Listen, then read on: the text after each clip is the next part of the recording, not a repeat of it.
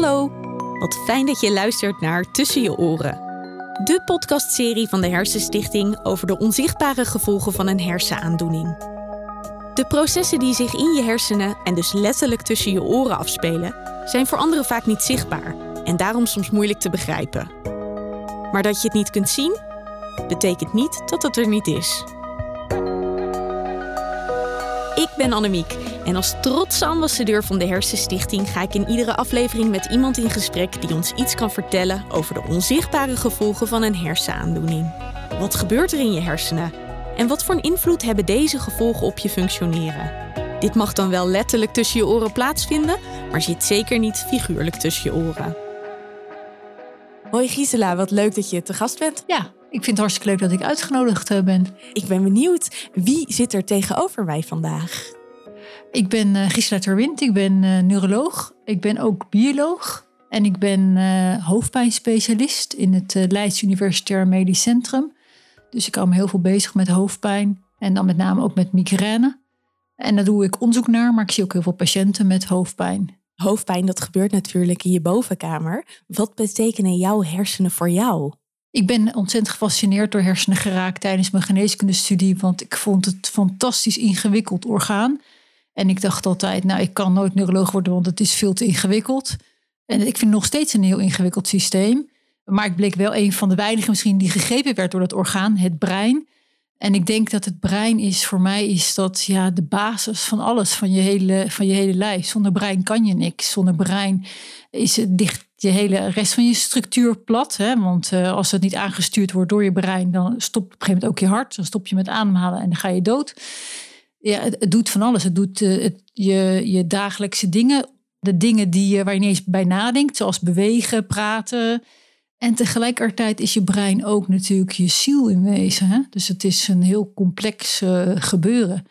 Vroeger waren ook vaak neurologen, werden zenuwarts genoemd. Die hadden ook een link met psychiatrie. En ik, en ik denk dat wij soms als neurologen vergeten ja, wat het brein nog meer voor je betekent dan alleen neurologische aandoeningen. En juist bij hoofdpijn zie je dat, dat die wisselwerking van wat doet het, wat, wat gebeurt er met je hoofd als je hoofdpijn hebt en wat doet het met je als persoon en hoe je ermee omgaat, dat is een samenspel. Dat is heel belangrijk om er aandacht voor te hebben. Je stelt eigenlijk de vraag al: wat gebeurt er als je hoofdpijn hebt? Ja, ik denk dat hoofdpijn is sowieso al heel ingewikkeld. Dus daarom hebben wij ons in Leiden gericht op met name twee primaire hoofdpijnvormen waar we veel onderzoek naar doen. Dat is migraine en clusterhoofdpijn omdat hoofdpijn zo'n heel breed begrip is. Hè. Ook als je een klap op je hoofd krijgt, kan je hoofdpijn ontwikkelen.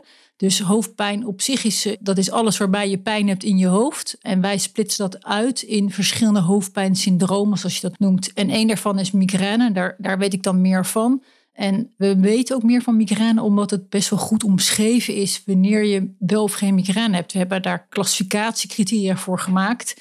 En dat heeft ons heel erg geholpen in het onderzoek naar migraine doen. Kun je eens uitleggen wat migraine is? Migraine is een aanvalsgewijze hoofdpijn het komt in aanvallen. En wat mensen dan vaak omschrijven is dat ze een eenzijdige, bonzende, ernstige hoofdpijn hebben. Die toeneemt bij inspanning. En dat kan gepaard gaan met misselijkheid en braken. Maar het kan ook gepaard gaan met uh, overgevoeligheid voor licht en geluid. En het maakt vaak dat mensen niet door kunnen gaan met hun dagelijkse bezigheden. Vaak moeten ze in bed liggen.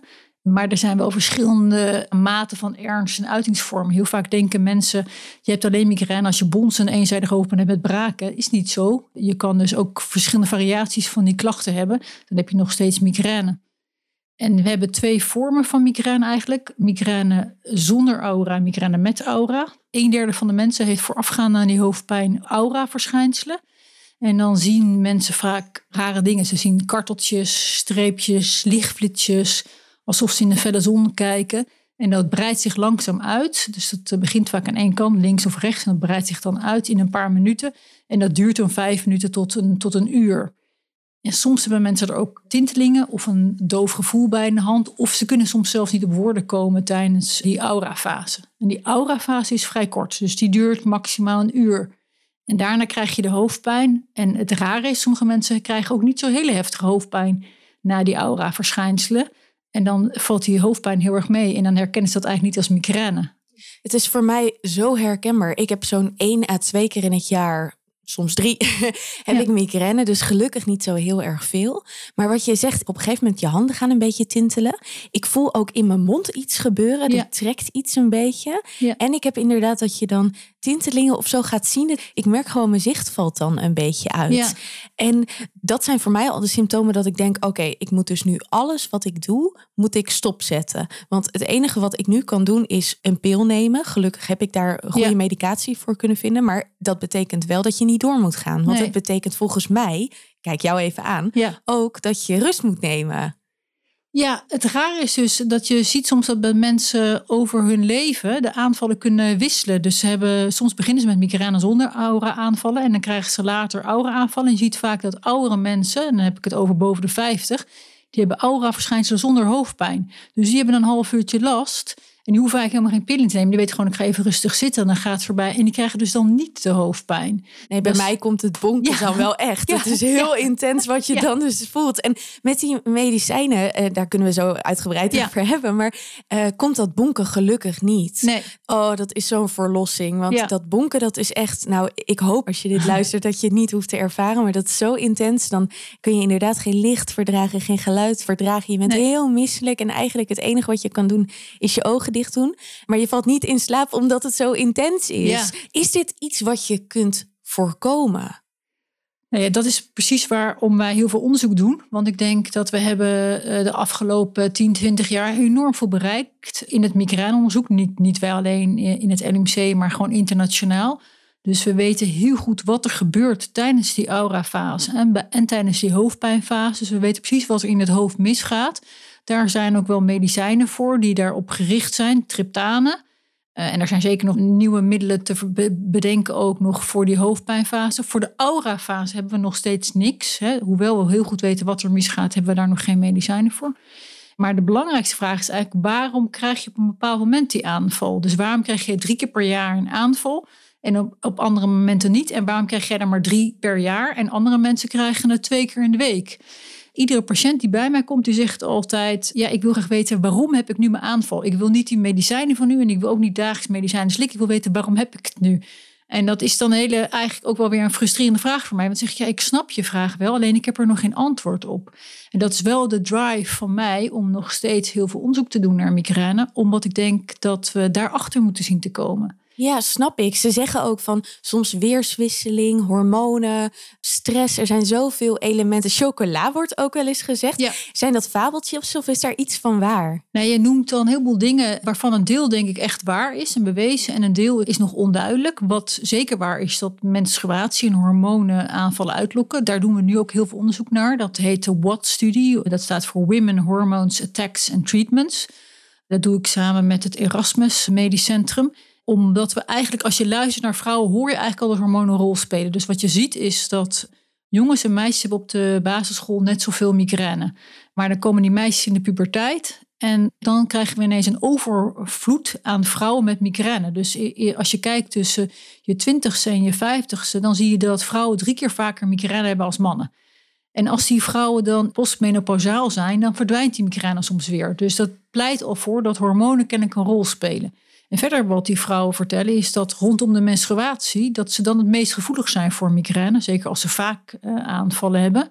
En je ziet vaak dat die vrouwen met migraine zonder aura, dat bij de zwangerschap ook de migraine vaak verdwijnt. Terwijl vreemd genoeg de migraine met aura daar minder goed op reageert. Dus eigenlijk als je naar vrouwen luistert en als je kijkt, dan, dan zie je gewoon hormonen spelen een rol. Dus ik denk dat dat eigenlijk niet ter discussie staat. Alleen wat wel de vraag is, wat kan ik er dan aan doen? En daar doen we nu met de WAT-studie onderzoek naar. Dus wat we onder andere doen is ook deels gefinancierd door de Hersenstichting. Is wat we dan noemen het pilonderzoek. We geven jonge vrouwen en vrouwen rondom de perimenopauze, dus rondom de overgang, die geven we dan de pil. En die geven dan continu en dan kijken of de pil effect heeft op hun uh, migraineaanvallen. De anticonceptiepil, ja, denk de anticonceptiepil, ja. sorry. Want het rare is, dat is nog nooit goed uitgezocht. Dus je ziet heel vaak dat vrouwen wel soms iets proberen met de huisarts, maar dan doen ze vaak een stopweek erin, terwijl dat eigenlijk dan juist aanvallen uitlokt. Of ze proberen het, terwijl we eigenlijk helemaal niet zo goed weten of die anticonceptiepil ja, wel effectief is. En een anticonceptiepil is ook niet zonder bijwerkingen. Dus we vonden het gewoon heel belangrijk om gewoon een goede praktische studie doen om te kijken, werkt het nou wel of niet? En dat is nog nooit gebeurd. Dus dat is eigenlijk heel schrikbarend. We hebben ook onderzoek gedaan om te kijken naar of je ook verschillen ziet in de reactie tussen mannen en vrouwen op acute medicijnen, de triptanen. En dat hebben we niet zelf gedaan, maar wat we hebben gedaan is we hebben gekeken naar alle eerder gepubliceerde studies van deze triptanen. En een triptaan is dus een middel wat specifiek ontwikkeld is tegen migraineaanvallen. En wat uh, best wel effectief is, niet bij iedereen, maar bij een groot deel van de mensen wel. Toen hebben we gekeken naar de studies. Eh, zien we daar iets terug over uh, wat, hoe het bij mannen werkt en hoe het bij vrouwen werkt? Nou, ten eerste wat heel opvallend was, is dat bij een heleboel studies überhaupt het niet genoemd werd, mannen en vrouwen. Dus je kon die data helemaal niet terugvinden, wat denk ik een slechte zaak is. Je wist niet wie de proefpersonen geweest waren, zeg nee, maar. er stond niet in hoeveel procent was mannen en hoe was de reactie bij mannen en hoe was het bij vrouwen.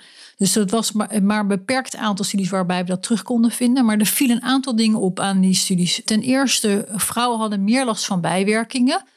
Uh, en dan heb je vaak de reactie van mannen van... Uh, ja, die vrouwen zijn ook enorme surpieten... dus dat ze meer bijwerking hebben, dat snap ik wel. Maar het is helemaal niet het geval. Want die vrouwen blijken ook een veel hogere dosis binnen te krijgen. En dat is logisch, want vrouwen zijn gewoon kleiner en lichter. En we krijgen allemaal dezelfde dosis.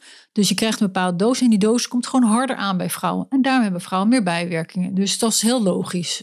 Dan zou je zeggen, nou dan doen we de dosis wat omlaag. En van sommige middelen heb je ook de halve dosering. Je ziet vaak dat huisartsen dat ook geven. En dat moet je nou juist niet doen. Waarom niet? Omdat we ook gezien hebben dat die triptanen die werken even effectief bij mannen en vrouwen. Alleen bij vrouwen zie je dat de aanval binnen 24 uur of binnen 48 uur meer terugkomt. Dus hebben, dat noemen we dan een recurrence. Dus het middel is effectief, maar hij komt binnen een dag, twee dagen weer terug. En hoe komt het nou? Dat komt omdat vrouwen meer menstruatiegebonden aanvallen hebben. En daarvan weten we weer dat die veel langer duren. Dus als je dan lager zou gaan doseren bij die vrouwen, krijgen ze alleen maar nog meer die aanvallen terug. En dan moeten ze meer dagen achter elkaar gaan gebruiken. En dat werkt juist overgebruik in de hand. En dan krijg je weer medicatie overgebruikshoofdpijn. Dus dat moet je niet doen. En dat doen de huisartsen wel. Wat je wel moet doen, is je moet of een langwerkender triptaan geven, en die zijn er ook.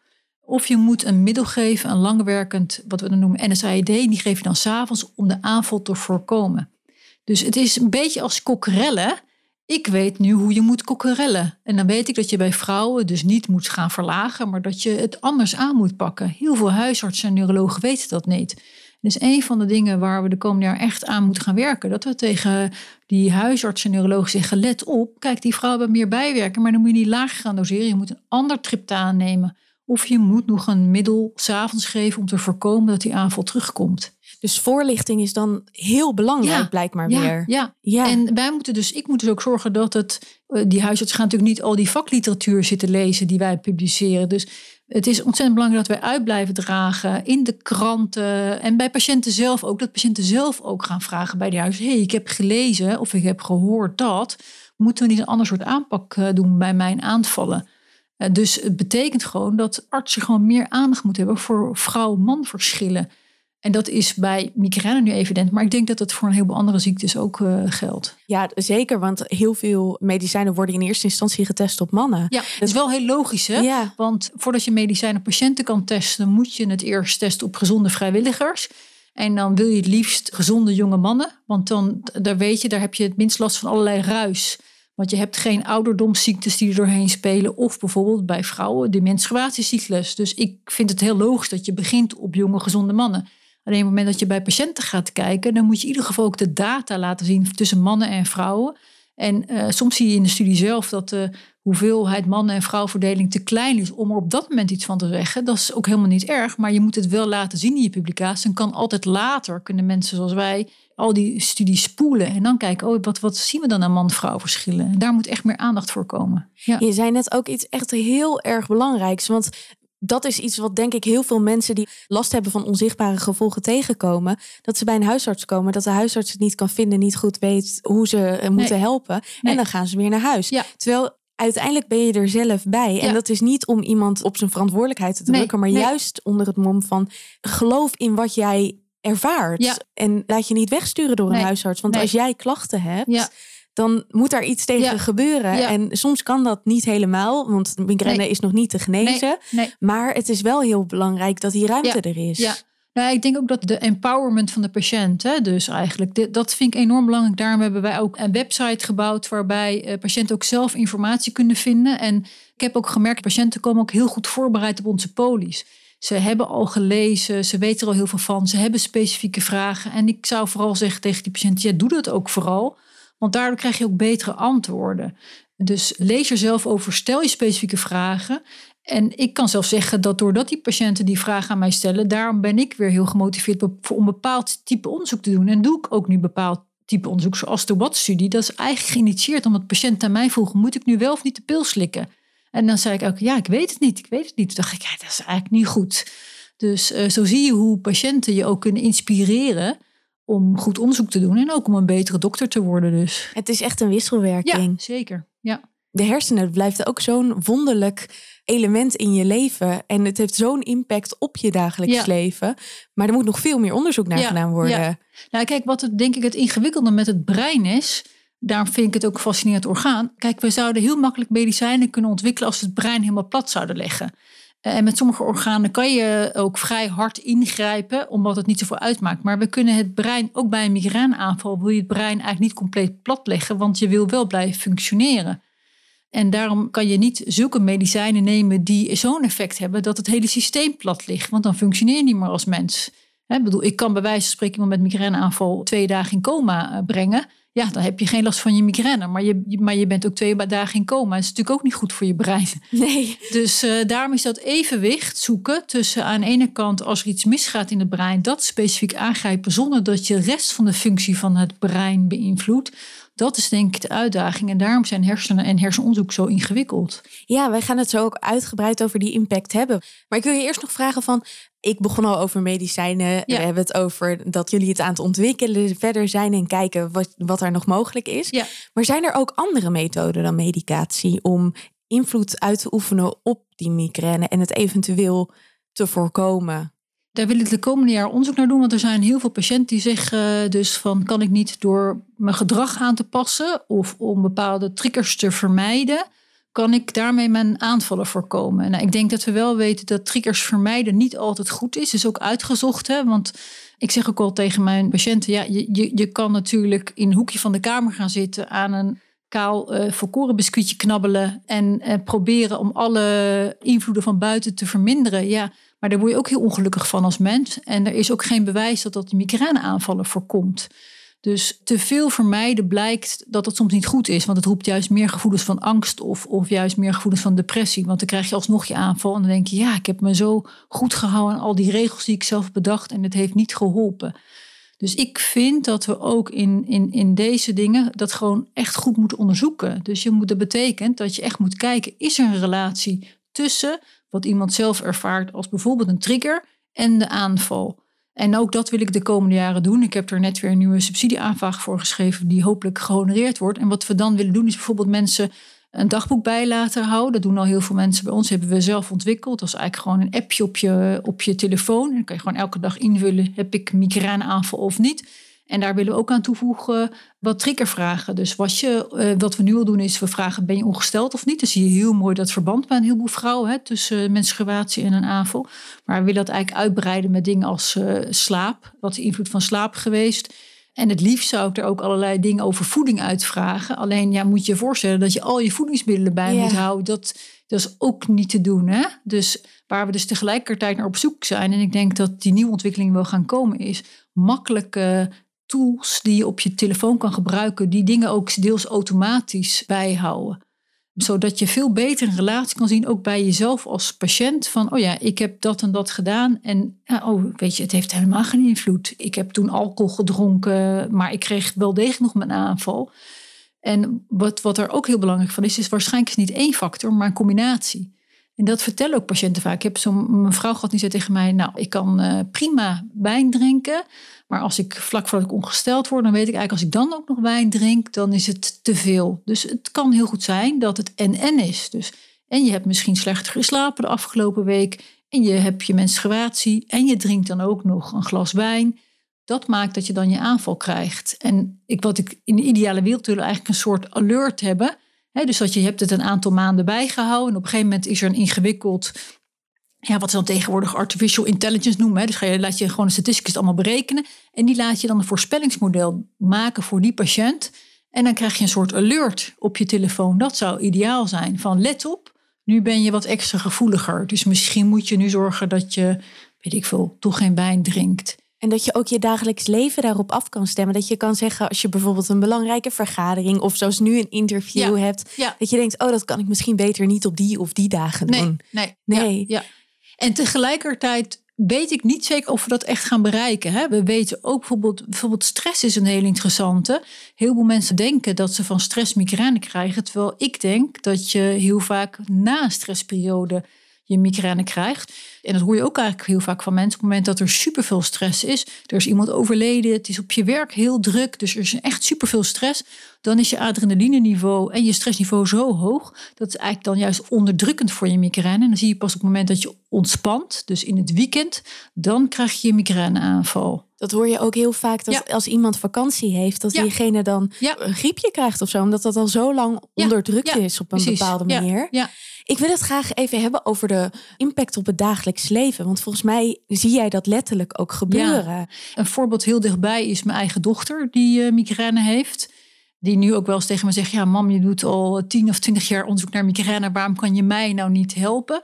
Zij is voorbeeld van een jong iemand die heel veel aanvallen heeft. En zij heeft migraine met aura-aanvallen. En dat kan wel twee of drie keer per week zijn. Dat is eh, best wel heel heftig. En dat heeft enorm haar leven beïnvloed. Het begon op de middelbare school. En zij heeft bijvoorbeeld het eindexamen gedaan. Bij een eindexamen natuurkunde kreeg zij een aura. Kon ze een half uur niks zien. Maar oh ja, haar brein was natuurlijk ook... als je een aura hebt, is er toch iets gebeurd in je brein. Je bent daarna niet fris, je krijgt daarna je hoofdpijn. Dus dat tentamen ging natuurlijk helemaal mis. En op de middelbare school had ze reserve opgebouwd. Dus ze heeft toen wel het examen gehaald. Maar toen ging ze studeren. Ja, daar is een heleboel misgegaan bij haar studie. Want eh, zij kon bijvoorbeeld soms niet naar een practicum. En dan kwam ze de volgende dag. En dan dacht ze, ja, een jonge student, nou, die zal wel te veel gedronken hebben. Niemand geloofde haar dat zij migraine had. En niemand begrijpt de impact ervan. Of iedereen denkt, nou, iedereen heeft wel eens hoofdpijn. Of nou, je hebt één keer per maand misschien hoofdpijn, maar dat iemand twee of drie keer per week een, een aanval heeft, dat kan eigenlijk niemand zich voorstellen.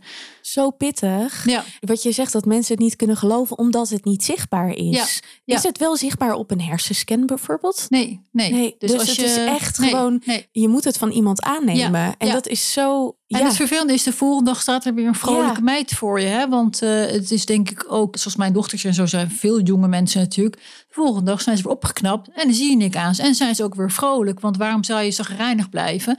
Dus die staan er opgewekt aan je bureautje als docent. En dan zegt iemand, ja, ik had gisteren migraine. Ja, het is bijna niet voor te stellen. Het is voor mij al bijna niet voor te stellen, snap je? Je wil juist op het moment dat het kan, wil je het er ook van nemen. Dus dan denk je ook, het is voorbij. Ik ga nu weer. En dan denken mensen van, ja, maar gisteren.